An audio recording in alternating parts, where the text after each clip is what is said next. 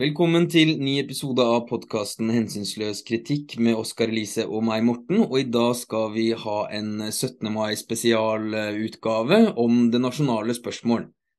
Og som vanlig så begynner vi med hvorfor har vi valgt det temaet her, Oskar?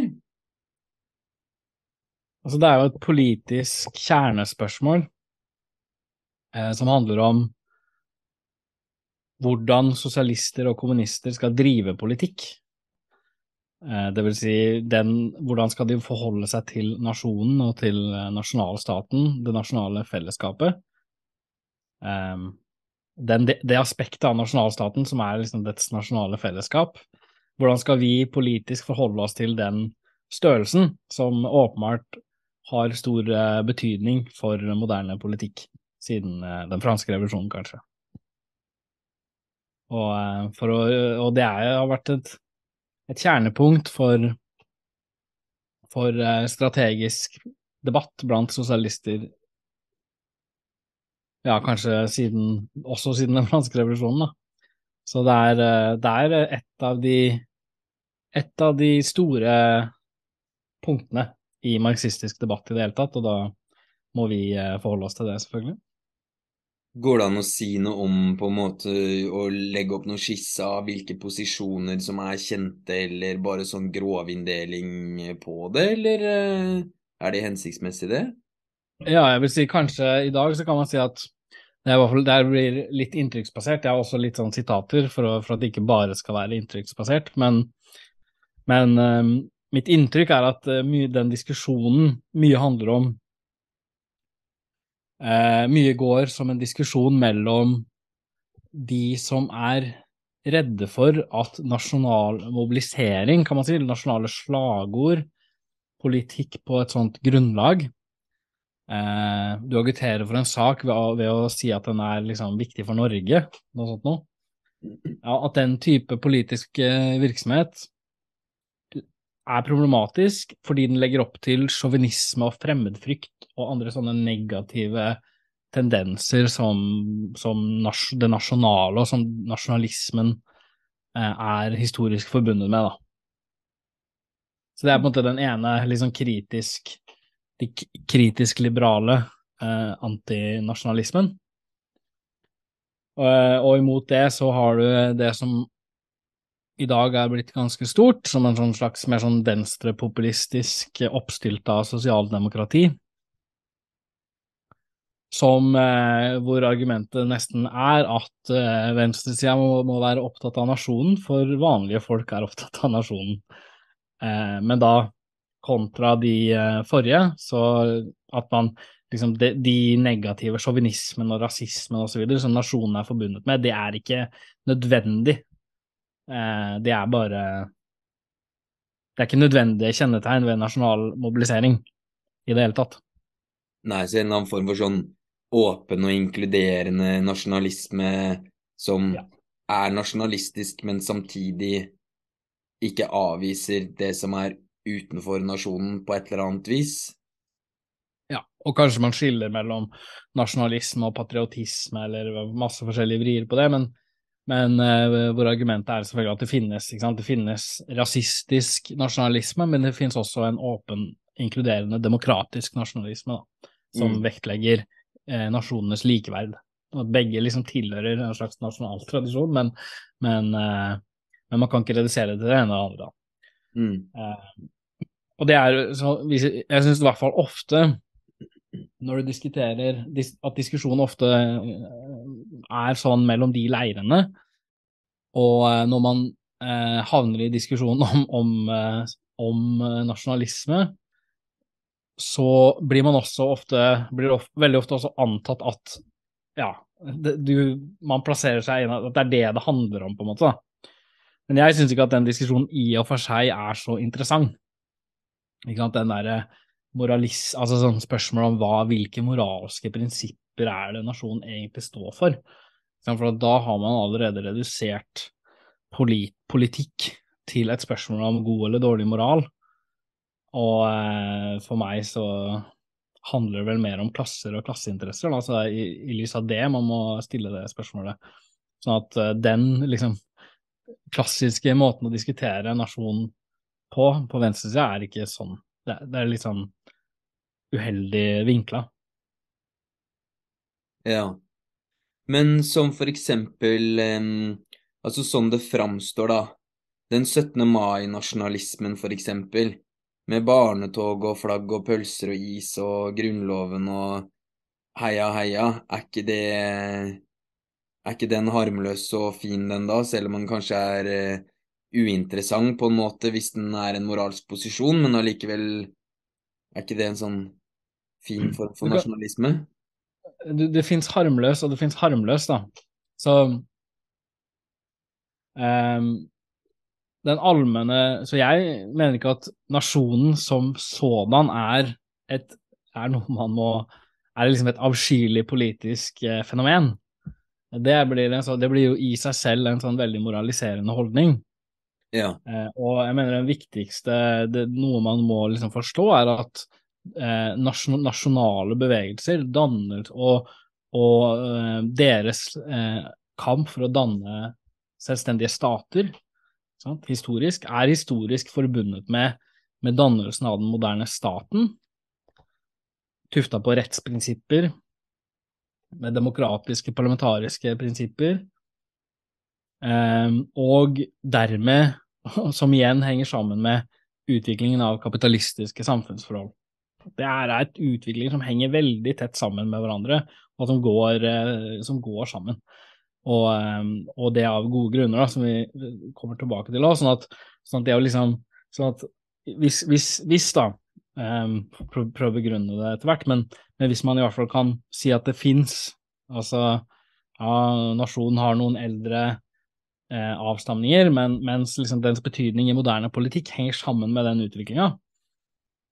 Med utvikling av moderne stater på tvers av de gamle liksom, føydalterritoriene med, stater som er forente, inneholder forente grenser og like rettsprinsipper for alle borgere osv. Og, og med et kapitalistisk økonomisk liv med klasseforhold hvor klasseforholdene mer og mer handler om arbeiderklassen og borgerskapet, og ikke fyrster og prinser og alt mulig slags middelaldersk tull, eller førmiddelaldersk tull, så er jo det helt klart en progressiv utvikling er det poenget mitt. At nasjonen er helt selvfølgelig del av en progressiv utvikling.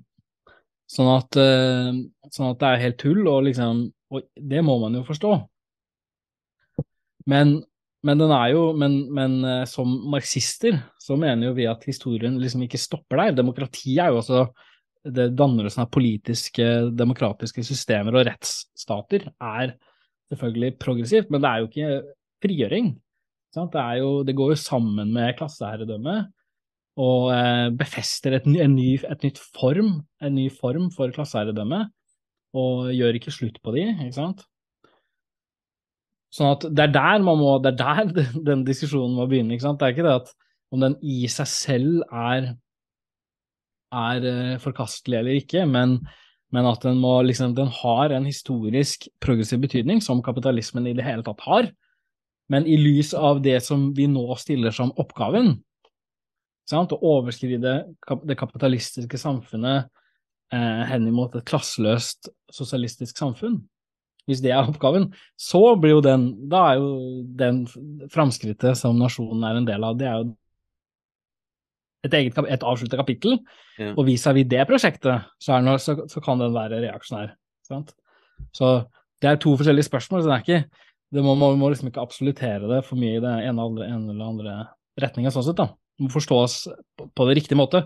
Og, det, og uh, i, til og med i dag så er jo ikke den liksom, i og for seg demokratiseringa nødvendigvis eh, et fullført kapittel overalt. Sånn at, sånn at eh, Ja, et sammensatt svar med meg i det, da. Men, men jeg tenkte at en, en, en utgangspunkt for, for refleksjon kunne være å liksom sitere For det har jo noen uh, visse krefter på, i Norge som uh, er ivrige venstresidenasjonalister, um, og som mener at liksom venstresida, for å være kraftfull, uh, mobiliseringsdyktig, må ty til nasjonal mobilisering.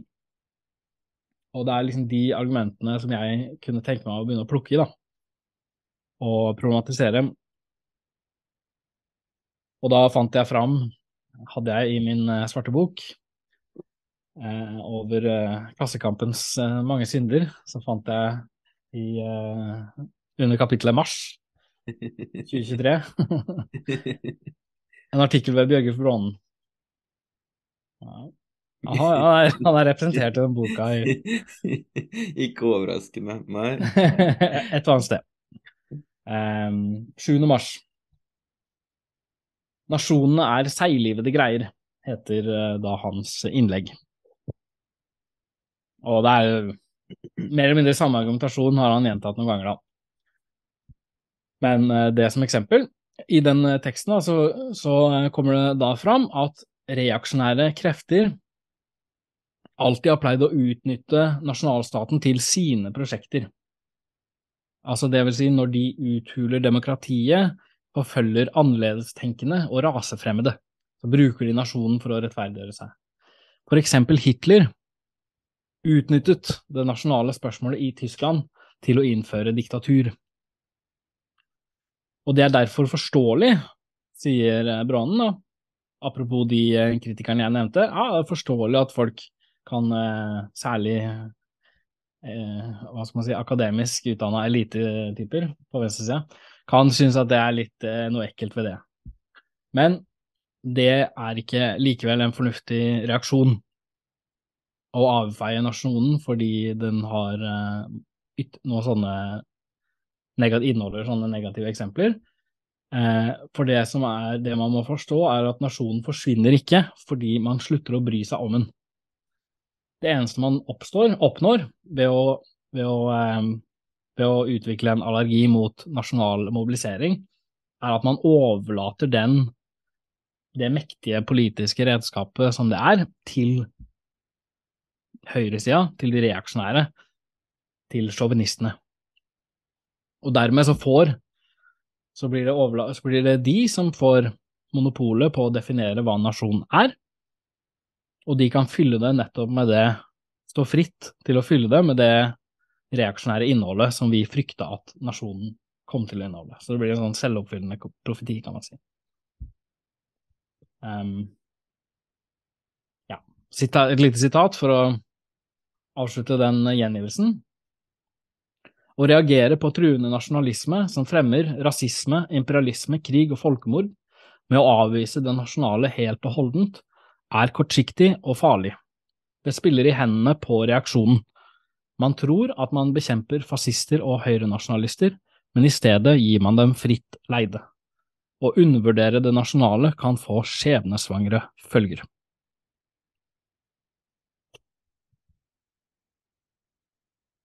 Ja, så jeg tenker jo sånn der Det siste du kommenterte, var kanskje litt uh, vel dystert, men uh, det første, til det første, i hvert fall du sa, så tenker jeg jo at uh, sånn instinktivt så kunne jeg jo liksom ja, nikka til den drøftelsen. Ja, hvis det ikke er det ene. Jeg vil jo masse heller at det skal være en inkluderende nasjon enn en uh, fascistisk, uh, rasefiendtlig nasjon, på en måte.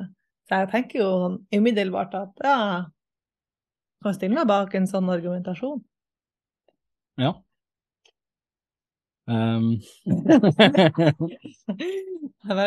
da skriver vi det ned i, i, i boka vår. Og så tar vi det opp i neste podkast. Nei da. Nei, ja, ja, altså det er selvfølgelig alt, all, Hele resonnementet har en sånn eh, sunn, fornuftig åpenbarhet over seg, da.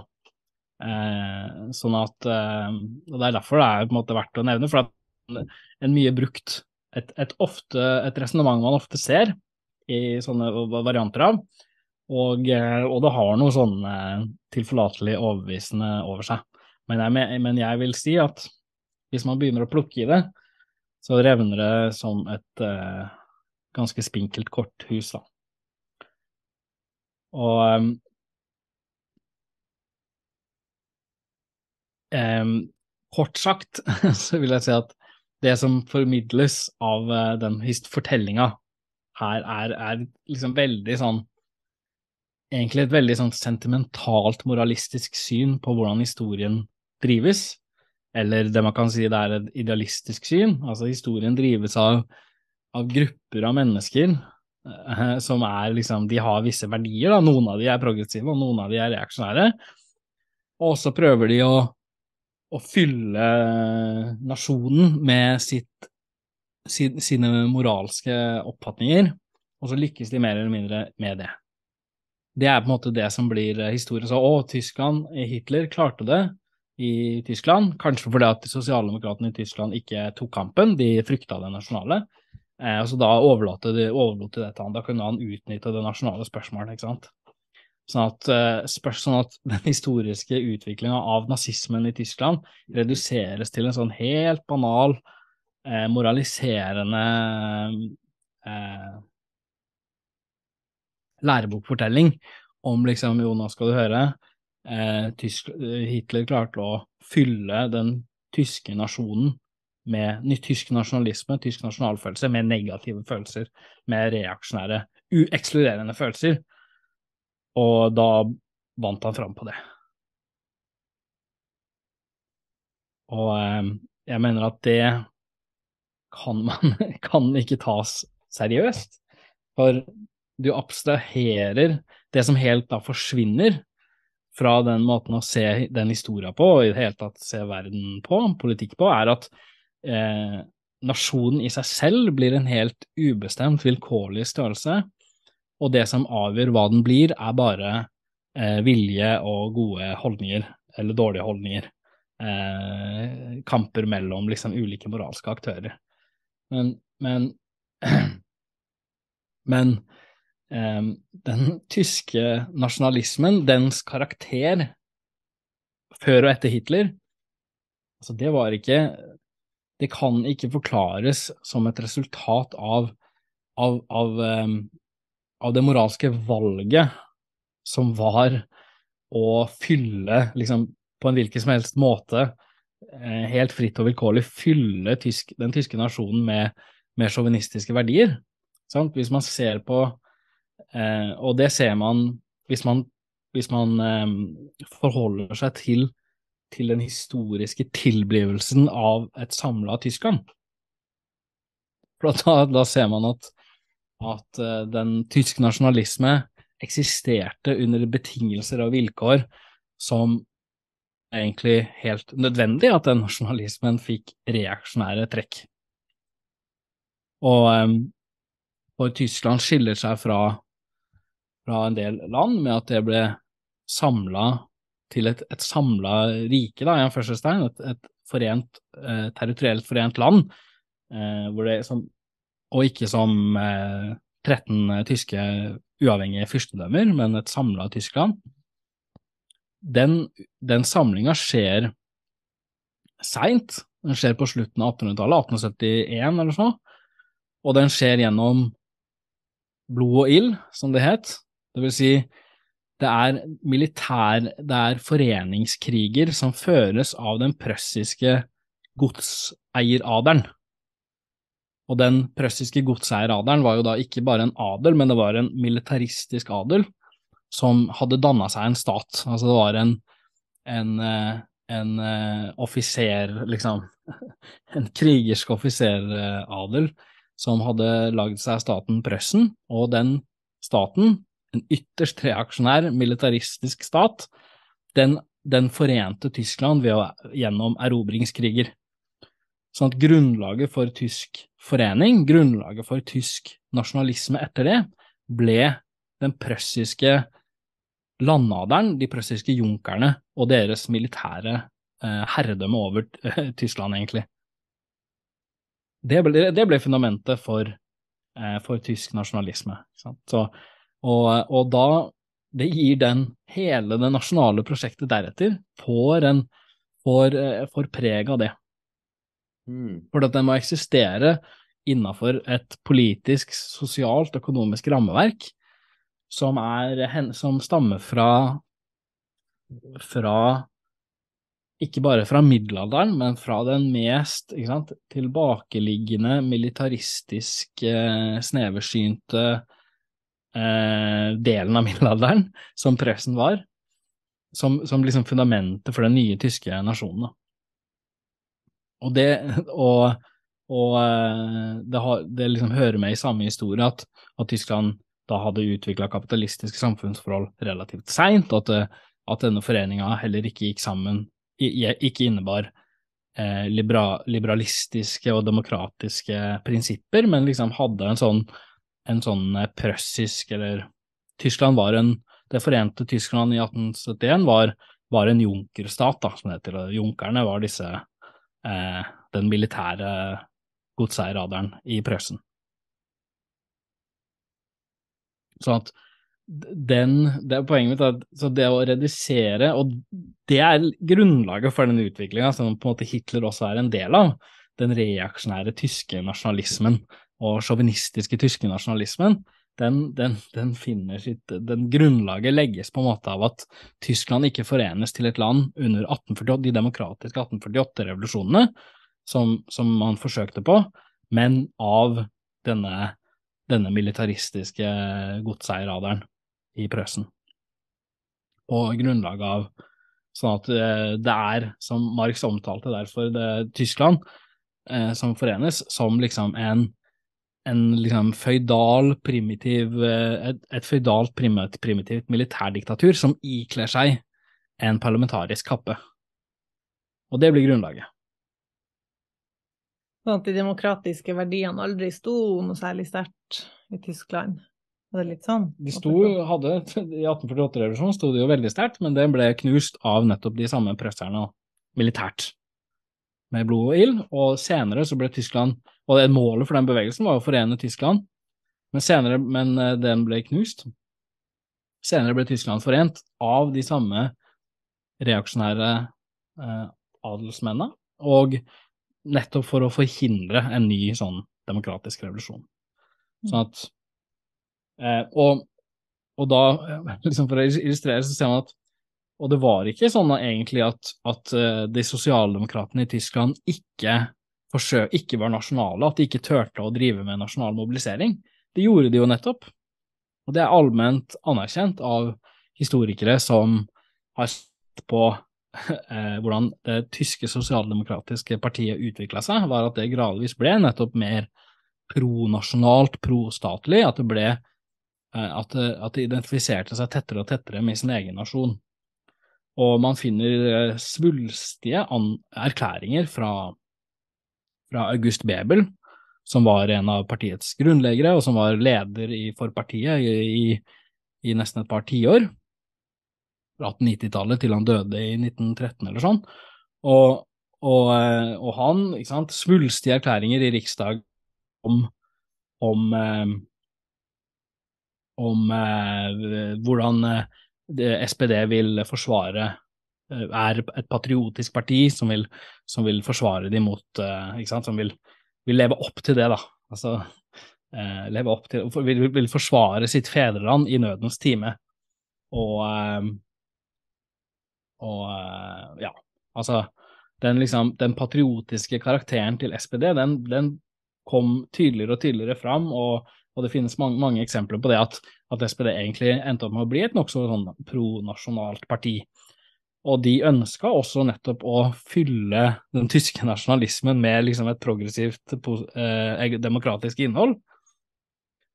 Men de, eh, de måtte også få det de måtte forholde seg til, var jo det, eller det som var faktum, var at, var at den eh, nasjonalismen som de da endte opp med å støtte opp under, den eksisterte på grunnlag av, av eh, den eh, prøssiske aderens militære makt.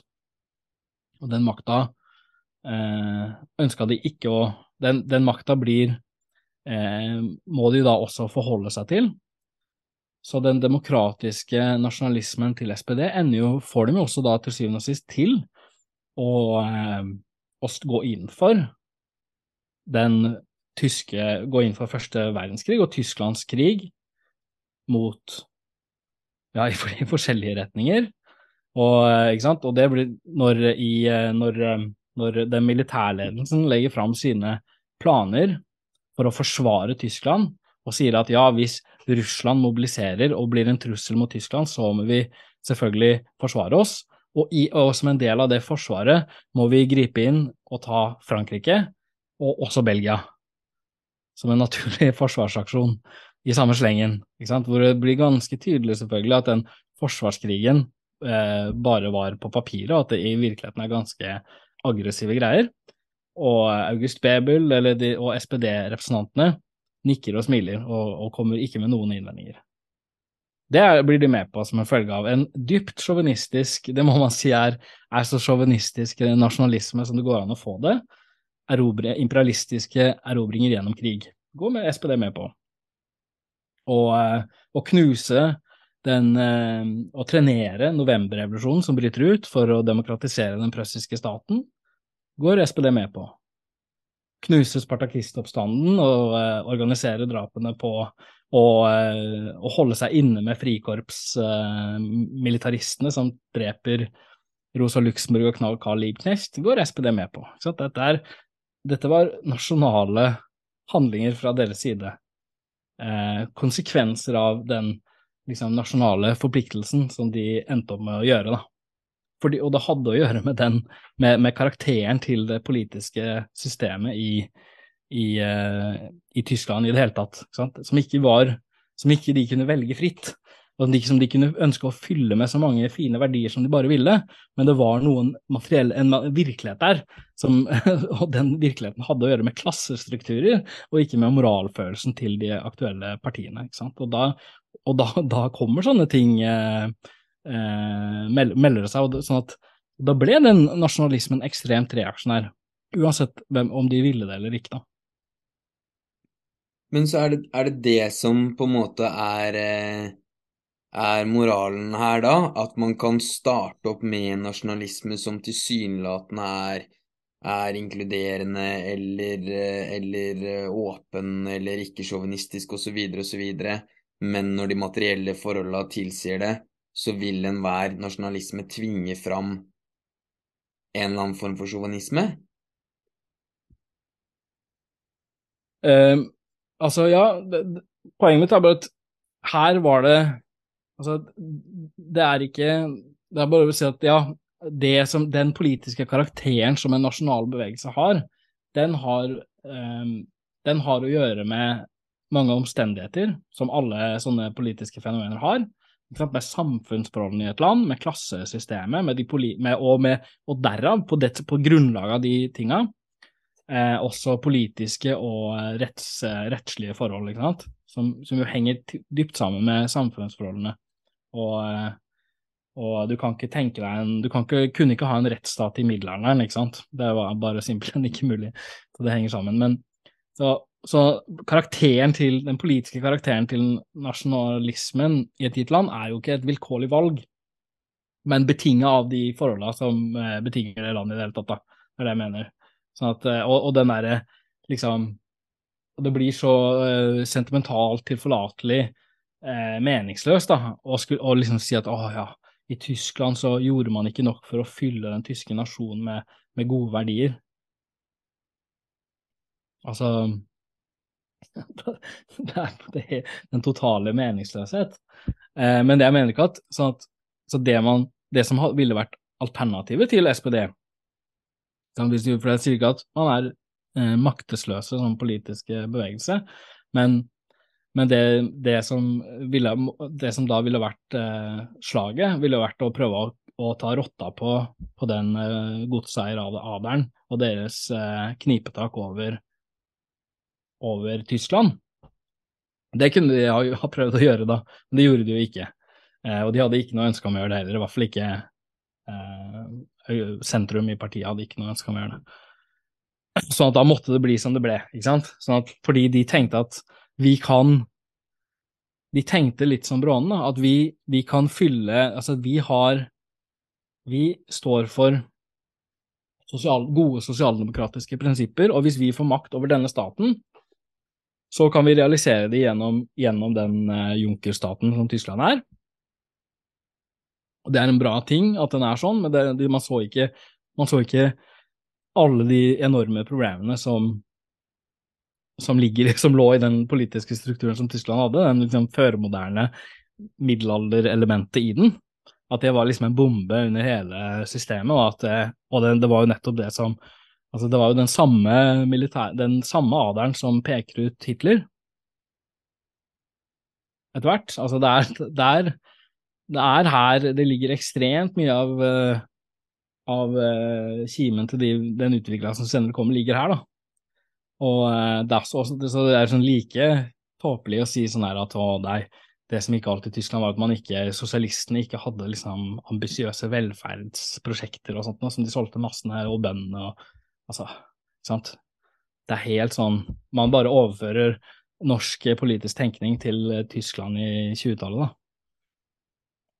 Um, poenget er at sånn, så, så, lenge du har et politisk system som står og hviler på denne, på den, eh, denne middelalderlevningen her, et riddervesen, liksom, da det, det, går bare ikke, ikke sant. Det, det er Um, og, de endte opp med, og det riddervesenet ender opp med å sette sin lit til Hitler fordi han, gi, fordi han, han nettopp vil lover å overskride de, klassekampen i nasjonen, som er moderne, et moderne fenomen disse ridderne ikke synes noe særlig om, og, eh, og gjøre Tyskland stort på liksom, den globale militære arenaen. Noe liberalistene og kommunistene liksom aldri ville gjøre det, for de var ute av stand til sånt. Ikke sant? Så, sånn at, mm. ja.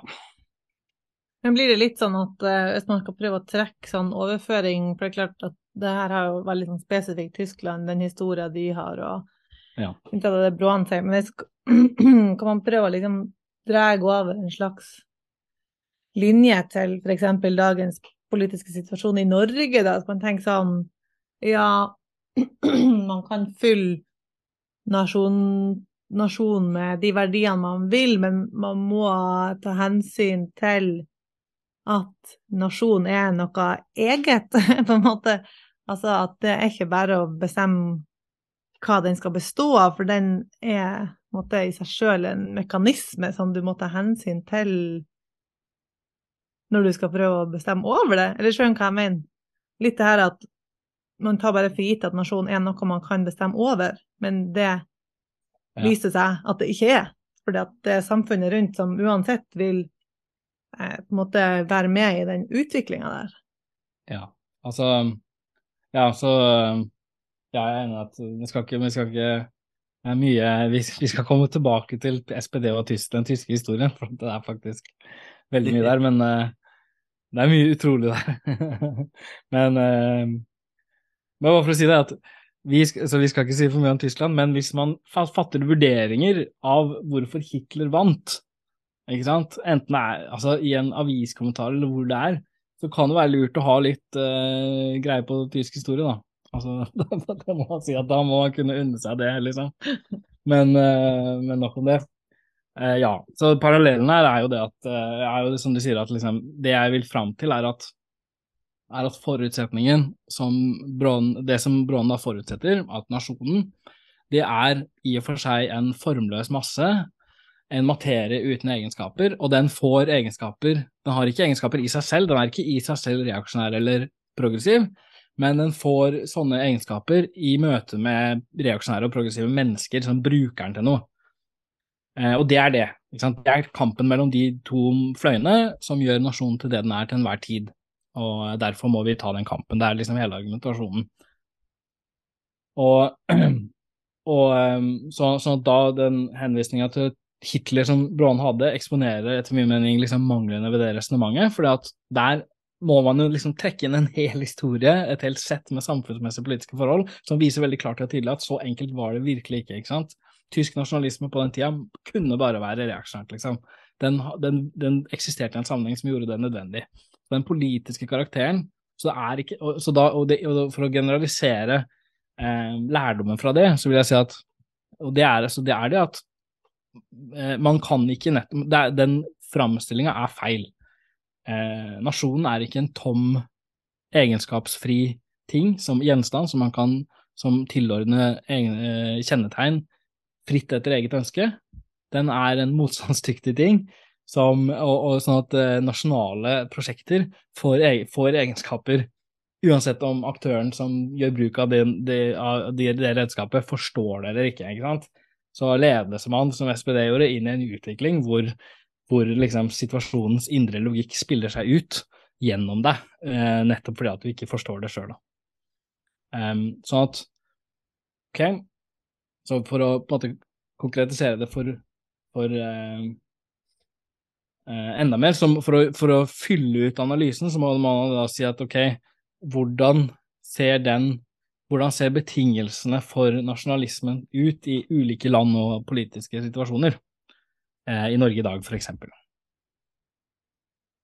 Og, um, ja, bare fortsett. Ja, nei, det var bare um, En sånn veldig lang, et langt hopp, men som, som jeg ville tenkt, er jo det at selv om det liksom det selvbildet til den norske nasjonalismen er å være veldig åpne og inkluderende, så så fort man tillegger sikkerhetspolitikk, så er det sånn For å forsvare den norske nasjonen Hvis man liksom starter med den setningen der, så må vi gjøre sånn og sånn. Da på en mm. måte kommer jo visse aspekter ved norske nasjon, nasjonalstat osv. veldig lett til syne. At for å forsvare eller beholde den norske nasjonen, så fin som den er, så må vi gjøre X, Y og Z. Og da viser det seg jo på en måte at alle de som har dratt, kommet Altså som prøver å liksom Samtlige partier i Norge vil jo da gå med på at ja, sikkerhetspolitisk så innebærer jo det alt av utenlandsoppdrag og Nato-medlemskap og bombinger og hele pakka med det der. For det at for å bevare den norske nasjonen, så trenger vi allierte. Og det samme liksom med den økonomiske politikken, at for å bevare den norske nasjonen, så må vi sånn og sånn og sånn at det, Som vanlig så vil jeg mene liksom at Stoltenberg er den største filosofen for å ramme inn, inn eh, hva det her går ut på, med sånn to påler. Den ene er det sikkerhetspolitiske, og det andre er det økonomiske. Og så kan vi på en måte dille rundt med de 17. mai-toga og alt mulig oppå der som en sånn slags glasur, men når det gjelder, på en måte, når det blir satt press på det, så er det sånn at ja, men skal vi kunne bevare det, og så fint vi har det i Norge, hipp hipp hei sann hurra, så må vi være villige til å gjøre sånn og sånn og sånn. Og det, det, på en måte, det presset er jo ennå ikke satt sånn veldig stort på Norge, men vi har likevel Altså sånn for eksempel det Afghanistan-engasjementet og SV sin sånn forsøk på retorikk der om at Nei, men vi deltok bare i den, i den snille delen av Afghanistan-intervensjonen. Vi hadde bare soldater i den fredelige delen. Altså, det var hele tiden et sånn spinn på at Nei. Norges krigføring var en sånn særegen form for snill krigføring som ikke, ikke var med kuler og krutt, men som var en sånn opplærende altså akkurat ikke sånn det Fredrik Barth, han, han sosialantropologen som er ekspert på Afghanistan, han skrev sånn jævlig bra om det i den boka si om Taliban, at her skulle norske soldater som liksom bøyde av med en gang under andre verdenskrig, lære afghanske soldater som nettopp hadde slått Den røde armé noe om krigføring. Da er du passe ko-ko, eller da er du stormannsgal, da. Hvis du tror liksom at det norske militæret har noe ekspertise som Taliban trengte, som nettopp hadde slått Den røde armé, men uansett, da, ikke sant, altså det, at det, det kommer sånne når, det, når Norge og den norske nasjonen og folket skal fordøye norsk realpolitikk, og hvordan vi oppfører oss i utlandet for å bevare det norske, så kommer det sånne fantastiske historier som er helt på viddene utrolig at det går an å tro på. Men, men, men, alle de tinga her er jo alle villige til å gjøre, fordi at det ligger jo en sånn forståelse av det at det er dette vi trenger å gjøre for å bevare den norske nasjonen. Så jeg ville jo tenkt at det var der nasjonalismen kom, og at man nesten på en måte må godta det at, der, eh, at Nei, men da er vi ikke villige til å forsvare det, da. Da får heller ja. hvis, det er, hvis, det her er kostnaden, så, så er ikke Da kan det ikke være nasjonen vi forsvarer. Selv om det er den norske, fine nasjonen med alle flagga og pølsene og barnetoget, liksom. Det kan ikke være det hvis prisen for det er å, å bombe Libya. Det er jo sånn med Afghanistan nå, at det er sånn det vi oppnådde, var å innynde oss for USA. For garantisten for rikets sikkerhet, og liksom det norske rikets sikkerhet er Nato. og sånn at eh, det, det, er jo sånne ting man kan pakke, definitivt ting man kan pakke ut i en sånn retning, da. Men sånn i og for seg så er jeg, jeg, jeg er villig til å gå med på at Altså at nasjonalismen sant, er en del av demokratibevegelsen. Det er ikke i seg selv nødvendigvis Det er ikke, det er ikke nødvendigvis eh, eh, reaksjonært som det var i Tyskland, på, måte, på samme måte og som det ble. Eh, det hadde med særtyske forhold å gjøre, men, men, i og for seg, dannelsen av enhetlige nasjoner eh, hang sammen med liksom, demokratisk juridisk likhet mellom borgerne å gjøre. Eh, og det så sånn sett du kan du si at ok, eh, nasjonal, det nasjonale henger sammen med det, eh, og du kan og det er, ikke, det er ikke nødvendigvis en bløff å, å liksom assosiere det med det når folk sier ja, vi feirer Grunnloven osv. ikke sant? Ja, mm. det er noe i det. Um, helt klart, ikke sant? Men da mener jeg at men da, Så da blir jo spørsmålet altså hvor Hvor eh, men det, det, er Det er bare det det er også, ikke sant? Altså, det er ikke noe mer enn det.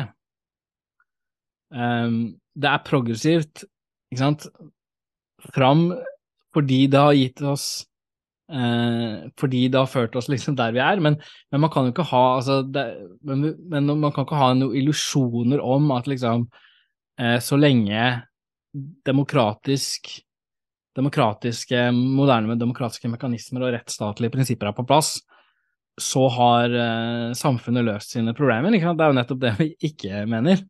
Eh, fordi det, de har vist seg å sameksistere med, eller egentlig passe godt sammen med, liksom, moderne klassestrukturer. Så der jeg vil si at det er der man egentlig kan si at der kommer altså selv den beste nasjonalismen eh, Nasjonalismen på sitt beste er et uttrykk for for, eh, for det, det, moderne demokratiet, for den moderne staten. Og det er selvfølgelig verdt å bevare. Man kan jo aldri gå med på å, eh, noen regress tilbake til det som var før. Men det betyr jo ikke dermed at man skal være ukritisk idyllisert Altså, man kan heller ikke da behandle det på en, sånn, på en ukritisk, liksom helt eh, eh, naiv eh, illusorisk måte. Det er ikke det, er jo fortsatt en form for eh, politiske, juridiske former som svarer til et klassesamfunn, som samsvarer med og rettferdiggjør, legger til grunn for eh, utbyttingen av en klasse mellom en klasse og en annen, og som sådan er det, er det ikke bra, ikke sant? Som sådan er det reaksjonært for at det er mulig å eliminere det eh, For at de forholda er eh, Vil jo i hvert fall man mene i en sånn marxistisk sammenheng, da. Anokronistiske. Det er mulig å erstatte de med mer rasjonelle med en mer rasjonell samfunnsorganisering. Og hvis det, hvis det er tilfellet, så liksom kan man si at ok, i det perspektivet så er nasjonen eh, reaksjonær. Ikke fordi, at den ikke fordi at den nødvendigvis er rasistisk, selv om det er på en måte litt sånn tåpelig å bare skrive ut all den rasismen som nasjonen har vært med på, men, men ok, ikke sant. Gå med på det. Mm. Eh, men, til, men, det er liksom likevel så så, eh, så, eh, så, så er det i beste fall eh, så kan man i beste fall som nasjonalist være liksom en, en ukritisk liberalist og demokrat som mener at liksom, så lenge det finnes demokrati og rettsstat, så vil alle problemer løse seg. Eh, i de formene vi, vi, kjenner det som. Og det, det, det, går i hvert fall ikke jeg med på, ikke sant. Det, sånn er det bare ikke. Eh, og der blir eh, Og da, ok, og hvis det er sånn, så må man Så kan man ikke eh, Så kan nasjonen være li, så, så seiglivet den vil. Den er like seiglivet som de strukturene her, da. Eh, er det. Men, men de, den er ikke dermed noe man noe som fortjener vår omfav, ukritiske omfavnelse, ikke sant? og vi kan ikke bruke den til, eh, til et politisk prosjekt som innebærer å overskride de forholda som den egentlig ligger til grunn for å hvile på, da. Ja, for å selvmotsigende metafor der, men, men, ja. Jeg tenker sånn, En ting som gjenspeiler litt det, kanskje er sånn uh, Rødt sin uh, det er sikkert mange sin retorikk, men f.eks. Rødt sin retorikk med det her eh, Vi skal ta vare på velferdsstaten vår. Og det syns jeg er litt sånn interessant, for at velferdsstaten har liksom blitt en sånn ting som alle elsker. Kan ikke være imot velferdsstaten. Velferdsstaten er på en måte helt fantastisk. Det er det som gir oss liv og sant, tar vare på oss. Men samtidig så er det liksom hva er egentlig velferdsstaten, liksom? Jo, det er nettopp det han Oskar liksom forklarte, at det er et system som passer på at du skal jobbe, eh, og du har et sikkerhetsnett, men aldri så bra at det ikke skal lønne seg å jobbe, på en måte. Så det er jo litt sånn og det er sikkert masse mer enn det jeg sa nå, men jeg mener sånn, det er litt interessant at det har blitt en sånn veldig sånn som hele Norge elsker, og så tenker du ikke på eh, den baksida. Det er to sider av samme sak, på en måte. Du kan ikke få den ene uten den andre.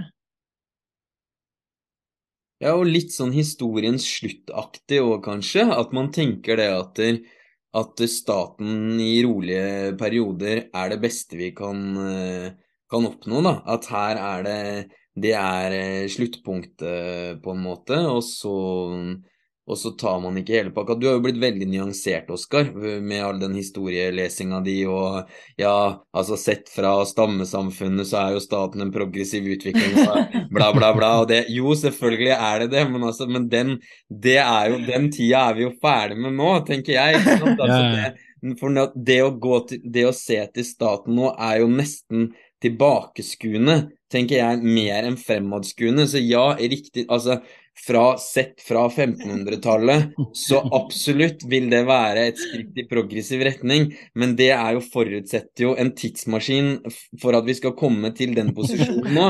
Men der vi står nå, så er det liksom Det er jo bare en hemsko over hele greia, men nå er jo jeg plump som vanlig, da, at jeg sånn jeg skjønner jo på en måte den der Lenin at man må vurdere hvert enkelt sted og ditt og datt, men jeg får jo mer og mer dilla på Rosen Luxemburg og bare Fuck off det greiene her, liksom. Det er bare tull. Det blir bare rot. Hvor mye må vi gå inn og analysere hvert enkelt tilfelle, egentlig, liksom?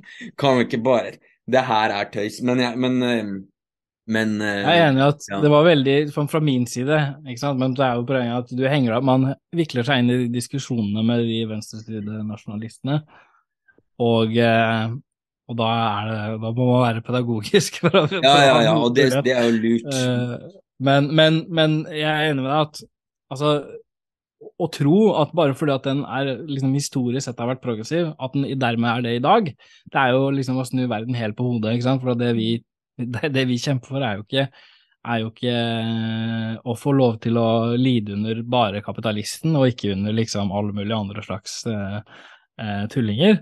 For det, det, har vi fått, og det, er, og det er jævlig nok, ikke sant? Ja. Særlig i lys av hvor irrasjonelt det er, og alle liksom ulike problemer det er vikla inn i, og, og bla, bla, bla. Sånn at Sånn at det er liksom Så, hvis, så mitt perspektiv er liksom definitivt at, at, at nasjonalisme er nå reak, et reaksjonært fenomen. Det er ikke noe vi kan tillate oss, i hvert fall i, i, denne perioden av verdenshistorien vi nå er, så har den ikke lenger en progressiv funksjon. da. Den er eh, tvert imot så er den en kilde til å, eh, til å, eh, til å skape elendighet og forvirring i arbeiderbevegelsen og i liksom den klassekampen som utspiller seg der.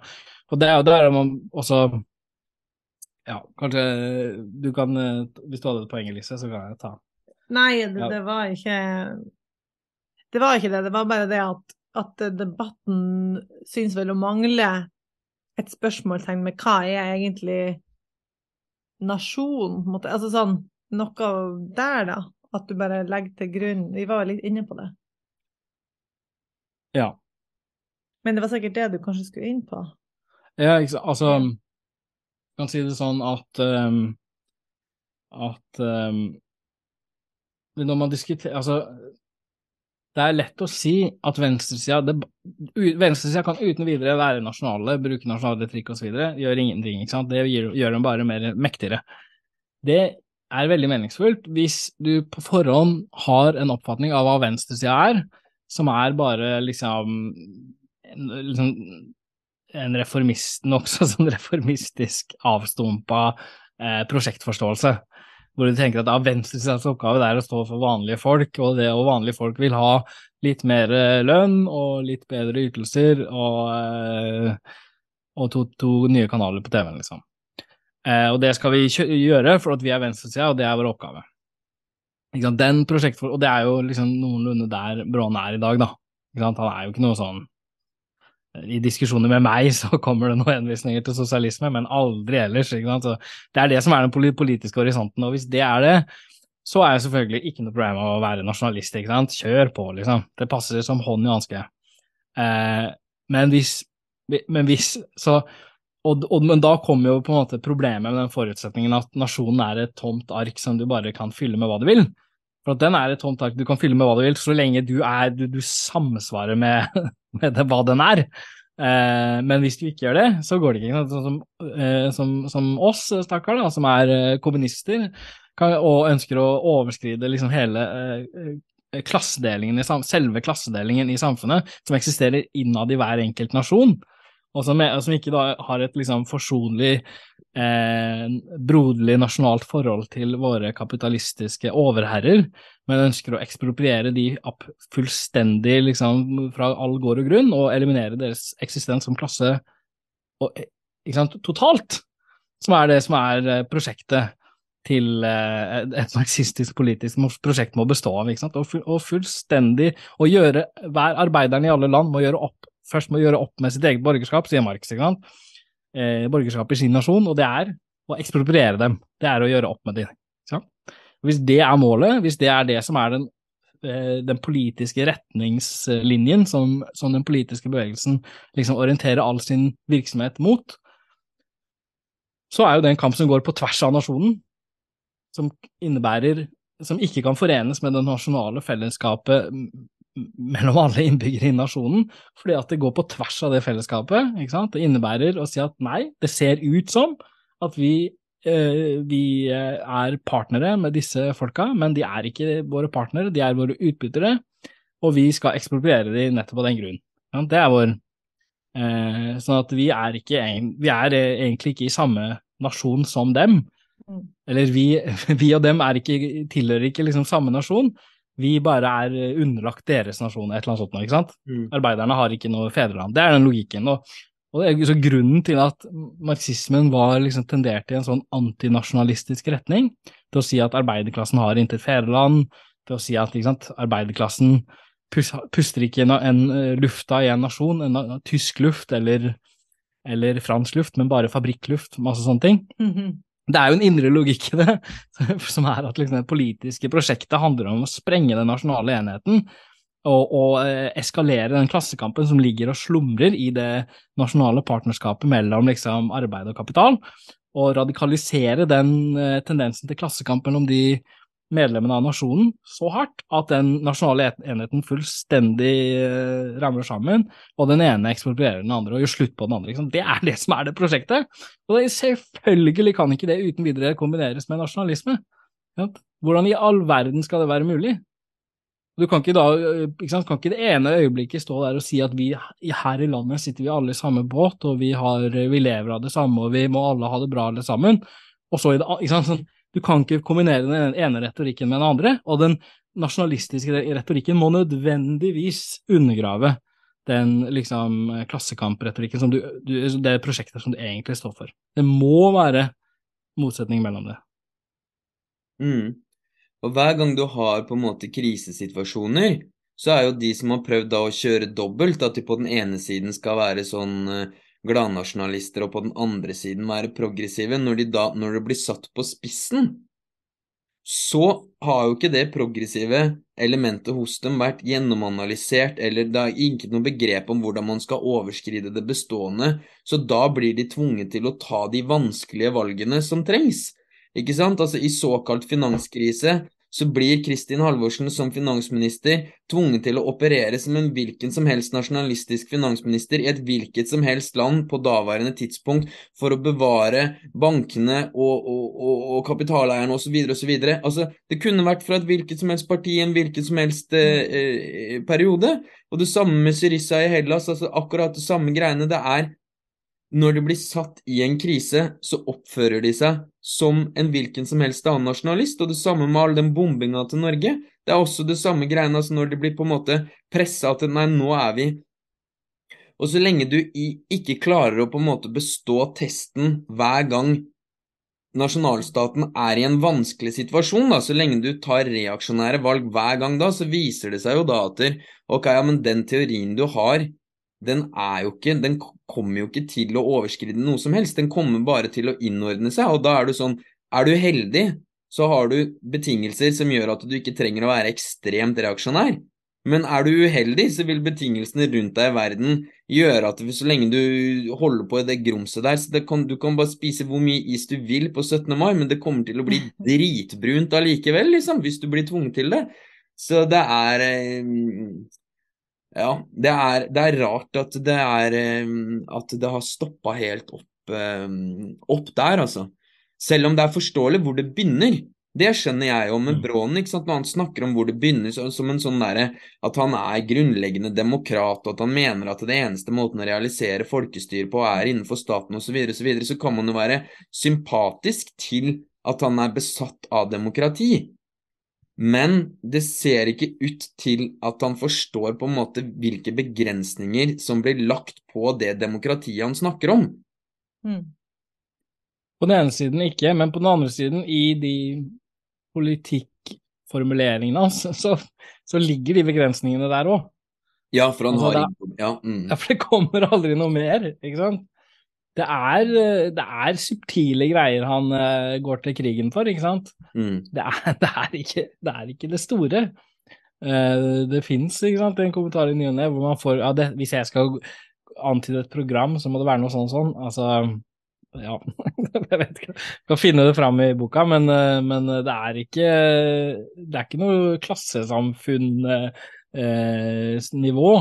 Det er liksom Vi skal være snille med hverandre, og vi skal ha gode lønninger, kanskje, men, men det er ikke noe mer enn det, liksom.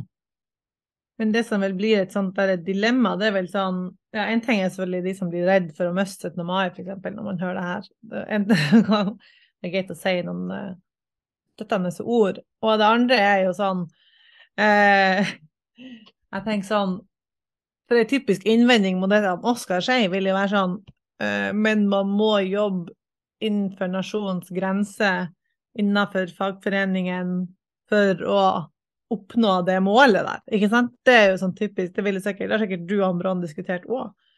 Eh, og det er jo sikkert noe sant i det, at nasjonen har en funksjon, men det er vel heller det å også se dens begrensninger. At du liksom bruker den til det den kan være, men så må du på en måte overskride for å være progressiv. Eh, hvis du skal få det til å funke.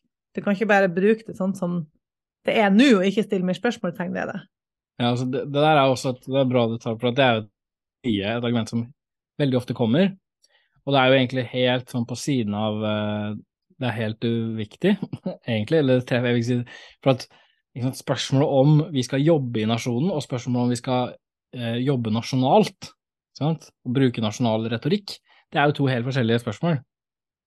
Eh, altså, at man må jobbe politisk i, i Norge, da, er jo ganske enkelt, at, eh, og i nasjonalstater i det hele tatt, det er jo fordi at den politiske makten i verden eksisterer i, er konsentrert i nasjonalstatene i verden og, og eh, den økonomiske livet eksisterer også ja, på en komplisert måte er den både global og nasjonal, men den har i hvert fall en, et nasjonale kjennetegn. da. Sånn at eh, kapitalismen er liksom, den er nasjonal i form og, og, og global i innhold, sier Marx. Og, så betyr at man, men i hvert fall man må forholde seg til Man må jobbe nasjonalt, for det er der det er, hver, det er i hver enkelt nasjonalstat at det finnes makt, politisk makt i verden eh, i, sto, i, det aller, for det aller, aller meste. Ikke sant? Det, er, det er der det makta ligger, og da må man selvfølgelig jobbe, jobbe på et nasjonalt nivå for å ta den makta, og for å realisere det politiske prosjektet i hvert enkelt land. Mm. Det har jo ingen det, det, Og man må jobbe på språket i det landet, bla, bla, selvfølgelig sånn. Men det, det, spiller ingen rolle for det. Altså, det impliserer ikke på noen måte at man dermed skal jobbe at man dermed skal jobbe nasjonalistisk. Mm. At man dermed kan mobilisere At måten man driver politikk på i landet, skal være nasjonal, at man skal agitere på vegne av landets samlede interesser, og ikke av nettopp klasseinteressene til én klasse i det landet, ikke sant? Mm. Eh, I motsetning til den andre klassen i det samme landet. Så det, det, altså det faktum at man må jobbe nasjonalt, det, det, impliserer ikke det i det hele tatt. Og der, der er det også veldig ofte en sånn argumentglidning, da. Et veldig godt eksempel på det er jo egentlig type altså Man kan jo på en måte si frontfagsmodellen, men også sånn type norske fagforeninger, hvordan de jobber. For det er jo et faktum at de jeg tenker Fra Borregaard var det vel et eh, konkret eksempel, hvor du har fagforeninger i andre land med de samme arbeiderne som egentlig har du masse felles interesser med, men i stedet for å stille deg på eh, rekke med de, så er det nasjonale så viktig for deg at du heller går på lag med eierne. Og så ditcher du på en måte dine eh, felles arbeidere i, i, andre land. Så da, da får du med en gang se den negative konsekvensen at du har en sånn nasjonal retorikk, for det er det som føles mest naturlig. Ikke at du skal støtte de som lider samme skjebne som deg. Og mm. det er jo helt bakvendt, og hele frontfagsmodellen er vel egentlig sånn. Og det er jo en veldig tendens i, altså, i, i den liksom organiserte arbeiderbevegelsen i moderne vestlige stater, så er jo det liksom sterk tendens i den retning. Og det er, det er et problem, ikke sant. Klassekampen da fragmenteres nasjonalt, og du blir sånn sett hver, hver, hvert land mot den andre. og, og, du, og du, får liksom ingen, in, samordning av, av, av interessekampen. Og, og den, den, situasjonen, sånn er det, og, den situasjonen, problemet med venstrenasjonalisme, da, som liksom forholder seg til nasjonen som sånn, at det er noe som det eksisterer bare, så vi må bare forholde oss til det. Den, hele den der argumentasjonen, det, det, store problemet ved den, er at den fører til en sånn At man tar alt At man liksom ikke ser problemet med det, at man tar det der for gitt. Og, og, og, sånn at alle forsøk på å problematisere liksom den, den, nasjonaliseringen av klassekampen i moderne tid, og prøve å liksom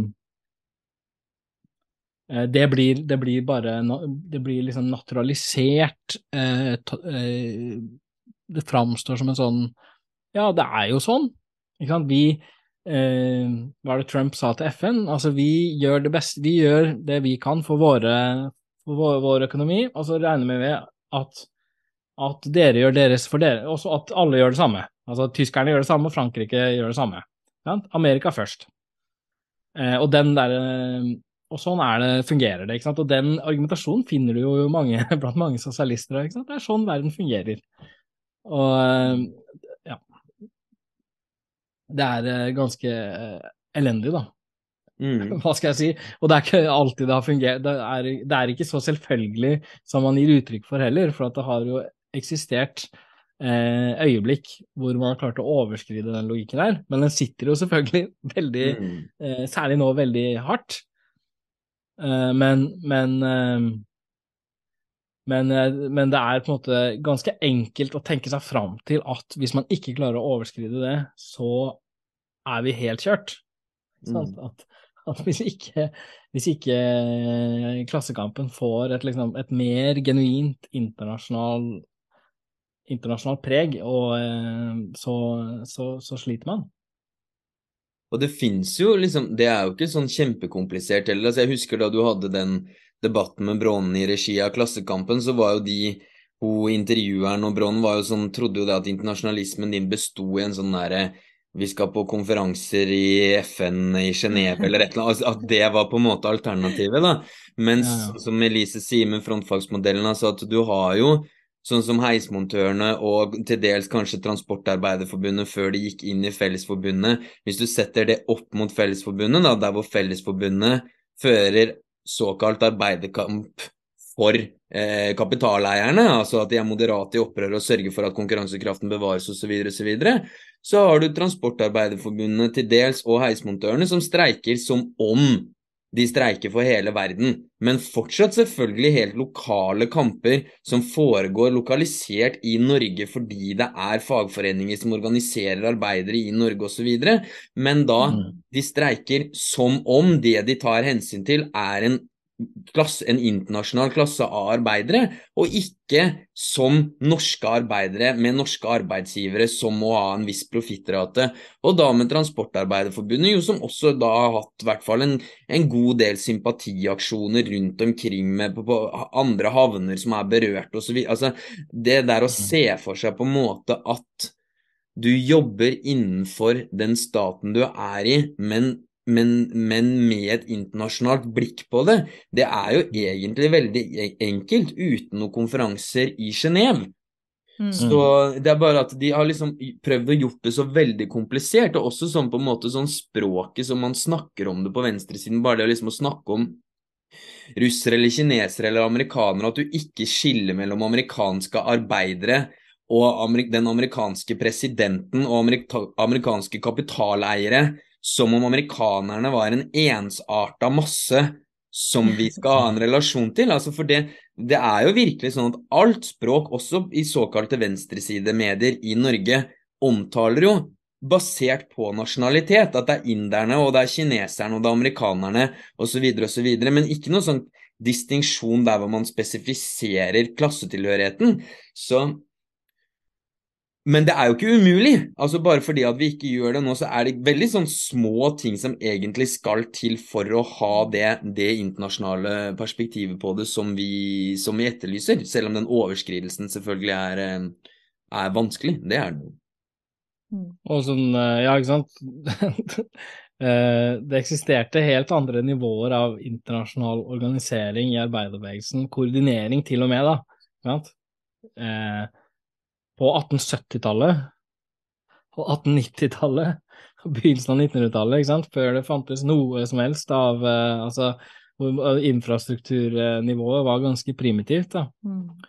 Uh, og, og, likevel så, så, så, så, var det mulig, liksom. Så det har, det har, på en måte bare å gjøre med, med forholdet i Klassekampen, uh, ikke sant. Og, mm. og, og, det er det at så, og, og nå så er det altså, i alle stater har utvikla liksom ganske sånn sterke korporative strukturer hvor, eh, hvor eh, fagforeningene, eller i hvert fall i, i, vår del av verden, binder sammen med sant, arbeidsgiverorganisasjonene, og man har liksom toppstyrte forhandlinger der for å holde, for å holde lønnsutviklingen.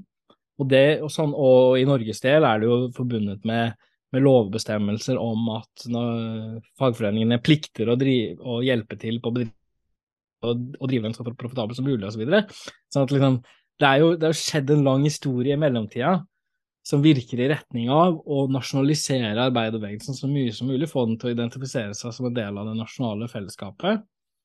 Um, og, da, og da, det er det som gjør det så mye vanskeligere. ikke sant? Alle de tekniske, alt mulige slags betingelser, språklige betingelser, uh, er jo utro uendelig mye enklere. Men, men, men, men, det har skjedd en liksom, samfunnsmessig og institusjonell utvikling som gjør, som gjør det mye vanskeligere. Eh, for at arbeiderbevegelsen har liksom har blitt eh, ja, korporativisert, innbakt, innbakt, i eh, statsapparatene, på en måte, eh, sammen, med, sammen med arbeidsgiverne. Fordi det er selvfølgelig en Altså, det, det, er, det er noe hver enkelt stat har, i høy, har høy grad interesse av å gjøre, ikke sant? å få kontroll over det der. Sånn at man kan, eh, man kan sånn at det økonomiske livet kan fortsette å gå. Produksjonen kan gå, verdiproduksjonen, merverdiproduksjonen, som man, skatt, som man lever av å skattlegge av som stat. Et eksempel er jo bare sånn statens bruk av tvungen lønn, lønn, lønnsnemnd, for eksempel. Jeg tenker sånn i fjor når du hadde sånn sykt lang lærerstreik, og de sto på, ikke sant, streika, streika, streika, streika, til slutt så får du ingenting ekstra. Som om at streiken aldri hadde eksistert. ikke sant? Så det, fordi at du blir tvungen lønnsnemnd, og tilleggene blir satt like lav som det du ville fått hvis du ikke hadde streika. Så det er jo litt sånn sykt på en måte at Sånn sett blir jo kanskje følelsen av det å streike og virkninga det har, litt svekka, da. Mm. Når du har den maktmuligheten. Og det er jo staten. Det er jo nasjonen som vi er så stolte av, som eh, tar seg av det. Så um, ja, så den er Det er eh, virkelig liksom det er, det er sånn sett noe man må konfrontere eh, Det er liksom ekstremt viktig å konfrontere kritisk, egentlig, da. For at den, Den, den, den gjør ting med, med, med, med, vår situasjon. Den derre selvsagte identifiseringen med nasjonen, ikke sant. Vi må det, den, det er noe man Hvis ikke man får et mer distansert og kritisk forhold til det, så, så mm. ser det vanskelig ut, da. Og det sånn, Hvis man ser litt framover nå, da, så i hvert fall jeg ville tenkt at det går At vi beveger oss liksom nå kanskje mer inn i en Ikke en helt ny fase, men at man En sånn norsk naivitet i, i noen tiår, altså i etterkrigstida osv., at den var kanskje Den var kanskje Kunne man delvis rettferdiggjøre på en måte, men at i hvert fall jeg nå oppfatter at det er mer en en større vilje til å gjøre det som trengs utenrikspolitisk eller i lønnsoppgjør eller i budsjettkutt eller ditt altså Det kan ha med, min egen alder å gjøre òg, men, men, for meg så framstår det som om at det, um, folk er Ja, men sånn, sånn er det bare. Det her er rammene vi jobber innafor. Vi må skitne til hendene for å bevare At den. Viljen til å gjøre det er større. At man trenger ikke så mye sånn derre Sånn som med Afghanistan-krigen, da, for eksempel. Alt den derre Ja, men vi er bare i den rolige delen, og vi bare, har bare snille soldater, og ikke sant. At det behovet for å gjøre det er blitt mindre og mindre, egentlig. At nå er det mer og mer kanskje et sånt realpolitisk forsvar av det nasjonale som aksepteres langs hele aksen. Så hvordan på en måte den utviklinga her skal fortsette i de neste tiåra hvis man binder seg til den nasjonale masta, for meg så framstår det som at det kan bli ganske stygt etter hvert. da, altså Det er jo stygt allerede, men at det i en sånn periode med Sånn som nå, da, hvor man snakker om at man skal bruke 2,5% av BNP og en sånn massiv opprustning, så er jo veldig mange med på den at ja, men det må vi bare gjøre, og da for ikke å ha en overoppheta økonomi, så må du jo da kutte andre steder, da, så sånn at det, ja, i utgangspunktet så klart vi skal bevare velferdsstaten, men sikkerhet kommer jo tross alt først, og nå er det jo viktig med opprustning, og ja, nå er det enda viktigere å ha gode venner vi kan stole på, og hvis de trenger vår innsats og sånn, hva vi på en måte kan surre oss inn i de neste 20 åra fordi vi har forplikta oss til det prosjektet her, eh, virker for meg som at det er, det er mye bestialitet som vi potensielt sett kan gå med på da, for, å, for å holde på med det. Så, og samtidig så er på en måte diskusjonen eller problematiseringa rundt det nasjonale på et absolutt bånnivå. Mm. mm. Ikke sant? Det er Ja, så det er, det er, rare tider på det greiene der. For nå er det jo virkelig et sånt tidspunkt der hvor man, hvor man skulle tro at det var egentlig ganske lett å ta en, en kritisk posisjon til det mm. nasjonale.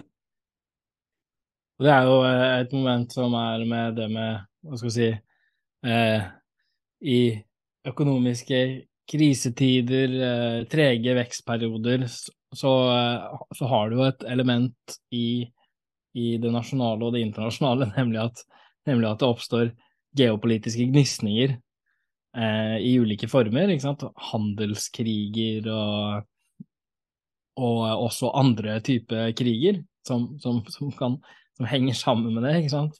Statenes kamp mot hverandre for å, for å eh, sikre sikre sine markeder og sikre råvarer osv. Og, og, eh, og, og der, og der er det jo selvfølgelig Og det, det, burde man jo kanskje også på en måte påpeke, at sånn um, Å si at det nasjonale bare er på en måte det, det, demokratiet i det nasjonale, og ikke har noen liksom, mobiliserings, noen forbindelse til liksom, den statens evne til å mobilisere for Eh, for aggressiv, de aggressive målene som den har interesse av.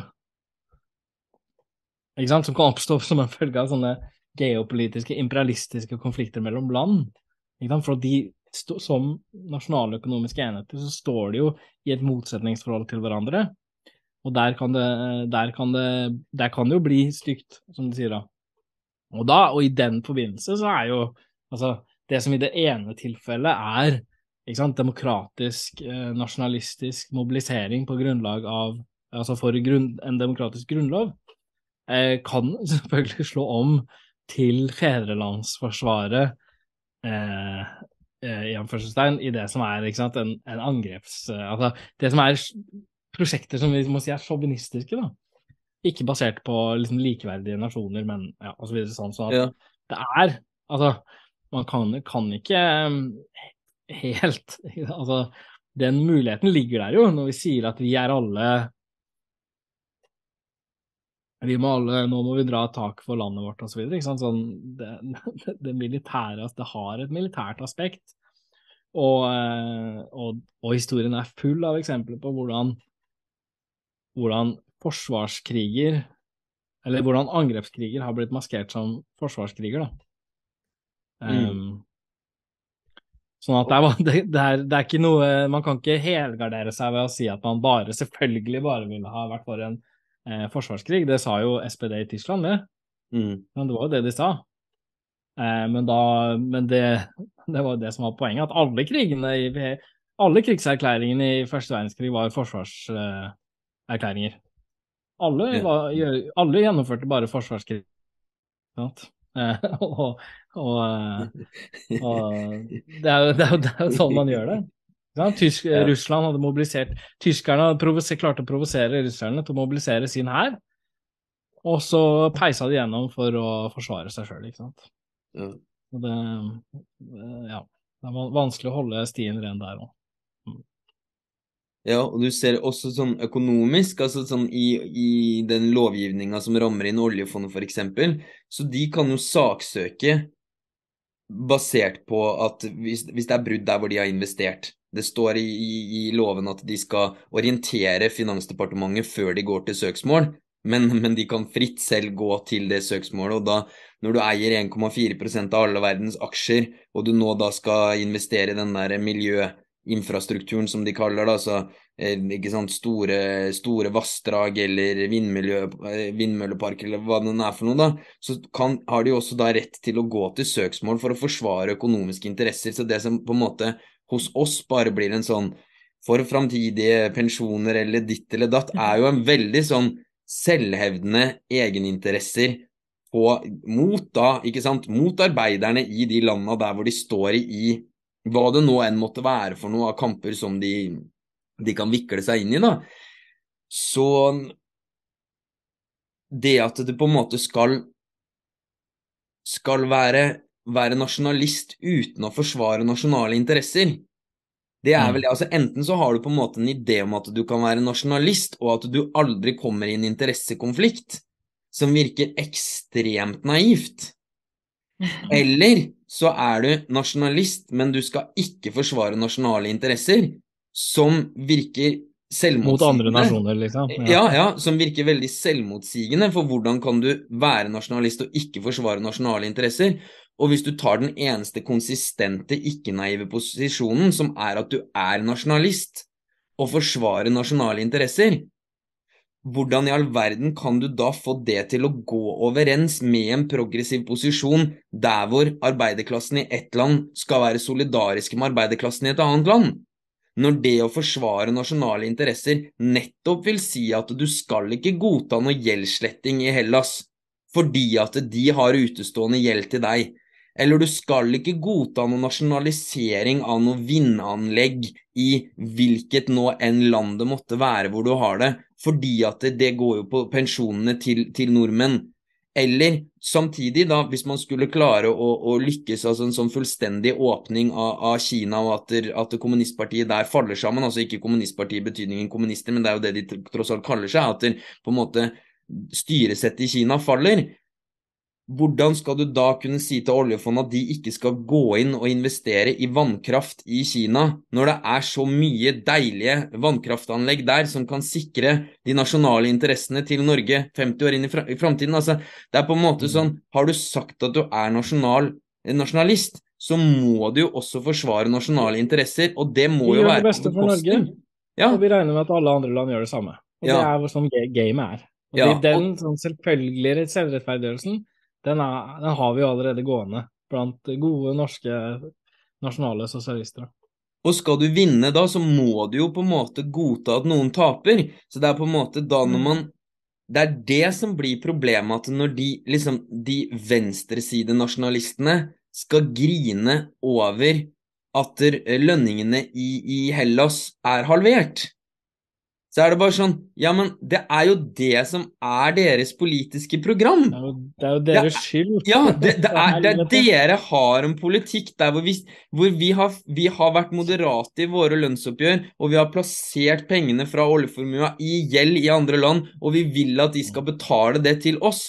Dere kan ikke på den ene siden gjøre det, og på den andre siden grine når landet gjør det som trengs for å betale forpliktelsene sine til kreditorene. Det er ikke, det er ikke en konsistent posisjon. Så da er det sånn da må suck it up og bli realpolitiker, og det er vel det kanskje flere og flere har blitt, da. Men da samtidig hvordan man da kan sitte og sutre og bære seg over Trump, er jo et nytt mysterium igjen. For da er man jo i praksis Da har man jo bare tatt hans posisjon. At vi er realpolitiske nasjonalister, men vi bare starter i Norge og ikke i USA. Og da er man jo, har man jo i prinsippet forlatt venstresiden eller et sosialistisk prosjekt hvis det skal ha noe som helst meningsfullt innhold. Det er liksom, da er man over i en annen, en annen sfære. Sosial eh, sjåvinisme, som eh, gode kamerat Lenin eh, kaller det. Og det er eh, faktisk sånn eh, når det gjelder eh, Ikke alt Lenin skriver der som er, som er perfekt, men det er ganske mye saftige saker, altså. Og, og i hvert fall mindre sånn ikke, ikke tegn til sånn dulling med nasjonale følelser. så hvis man, hvis man har behov for for, få litt frisk pust Hvordan skal jeg gjøre det? Det er jo en uh, artikkelsamling som heter hva det heter? Nasjonal politikk og internasjonalisme, eller annet. sånt. Ja, proletarisk internasjonalisme. Proletarisk internasjonalisme. Ja, vi kan, jeg, det fins ikke den uh, i noen Vi avviser alle former for nasjonalisme, både den, den uh, reaksjonære sorte hundrenasjonalismen, men også den mest forfinede, mest demokratiske, vakre formen for nasjonalisme. Og vi avviser alle forsøk på å, å forpeste arbeiderne? Med, demok med såkalt demokratisk uh, nasjonalisme. Ja, Jeg sier det sånn noenlunde fra, fra hukommelsen, da, men eh, det er mye Det er heftige saker, altså. Det er verdt å lese. Og Han var eh, mye Lenin, men, men eh, en skarp liksom, politisk analytiker, det var han helt klart. Så med det, Ja, har, vi- er, vi, er vi der? hjem og Jeg vet ikke. Jeg Det det er var jo- en fin oppsummering. kanskje tid siden. Har du lest litt Lenin? Flott, Kanskje Egil. litt Rosa Luxemburg? Da takker vi for oss der, da.